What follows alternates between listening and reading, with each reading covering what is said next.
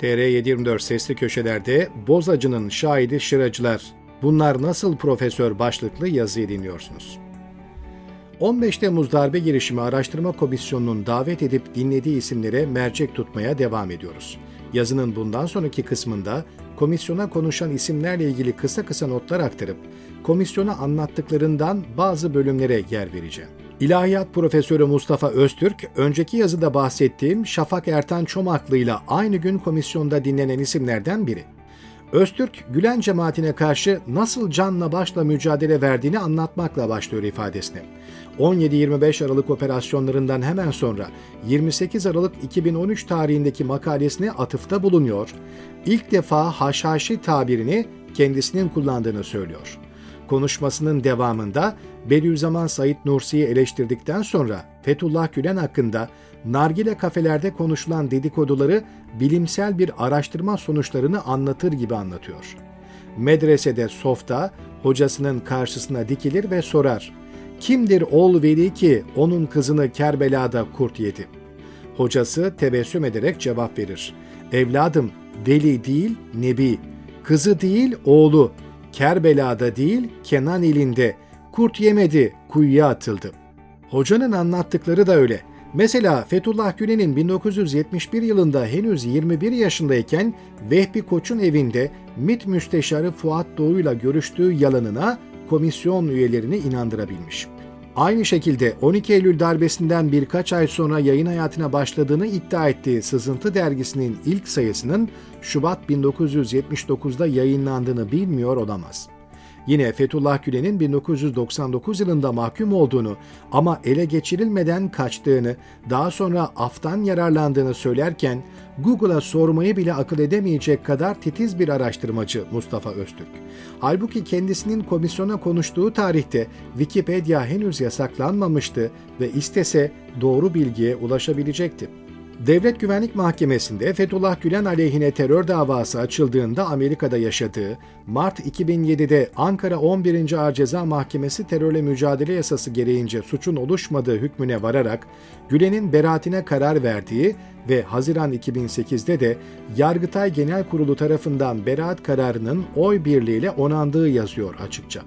Profesör Mustafa Öztürk'ün ifadeleri aşağı yukarı böyle meclis komisyonuna konuştuktan 4 yıl sonra bu defa YouTube'a düşen bir konuşmasında Kur'an Allah'ın kitabı olamaz dediği için ölüm tehditleri aldığını söyleyerek istifa edip yurt dışına yerleşti. 17-25 Aralık yolsuzluk soruşturmaları sırasında sınırsız destek verdiği AKP de kendisine sahip çıkmadı. Emekli jandarma kurmay albay Mustafa Önsel, komisyonun 3. toplantısında konuşan isimlerden biri. Önsel'in anlattıklarına geçmeden önce kim olduğuna bir göz atalım isterseniz. Balyoz davasının 154 numaralı sanığı, şimdilerde Oda TV yazarı Mustafa Önsel, darbe planlarını hazırlayan ekipten olduğu gerekçesiyle 4 yıl hapis yattıktan sonra 2014 yılında Anayasa Mahkemesi'nin kararıyla tahliye edildi. Balyoz'da Mustafa Önsel'e yöneltilen suçlama yapılacak darbe sonrası görevlendirilecek personel listesini hazırlamaktı. Önsel'den çıkan dijital deliller arasında darbe sonrası tutuklanacak isimlerin listesi de yer alıyordu. Konumuz balyoz olmadığı için kısa keselim.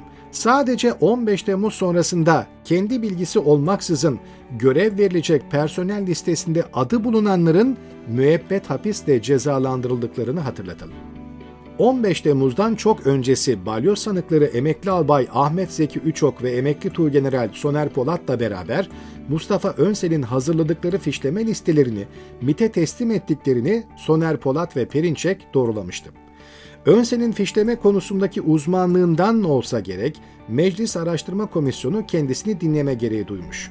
Önsel konuşmasında daha önce kitaplarında yazdığı bilgileri tekrar etmiş.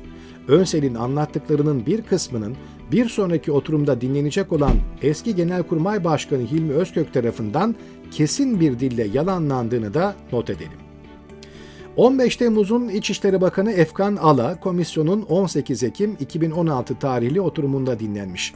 15 Temmuz gecesi görevde olup da koltuğunu kaybeden en önemli isim Efkan Ala. 15 Temmuz'un en önemli iki aktörü Hulusi Akar ve Hakan Fidan, onca ihmal iddialarına karşın koltuklarında kalırken Efkan Alan'ın görevden alınması sürpriz olmuştu.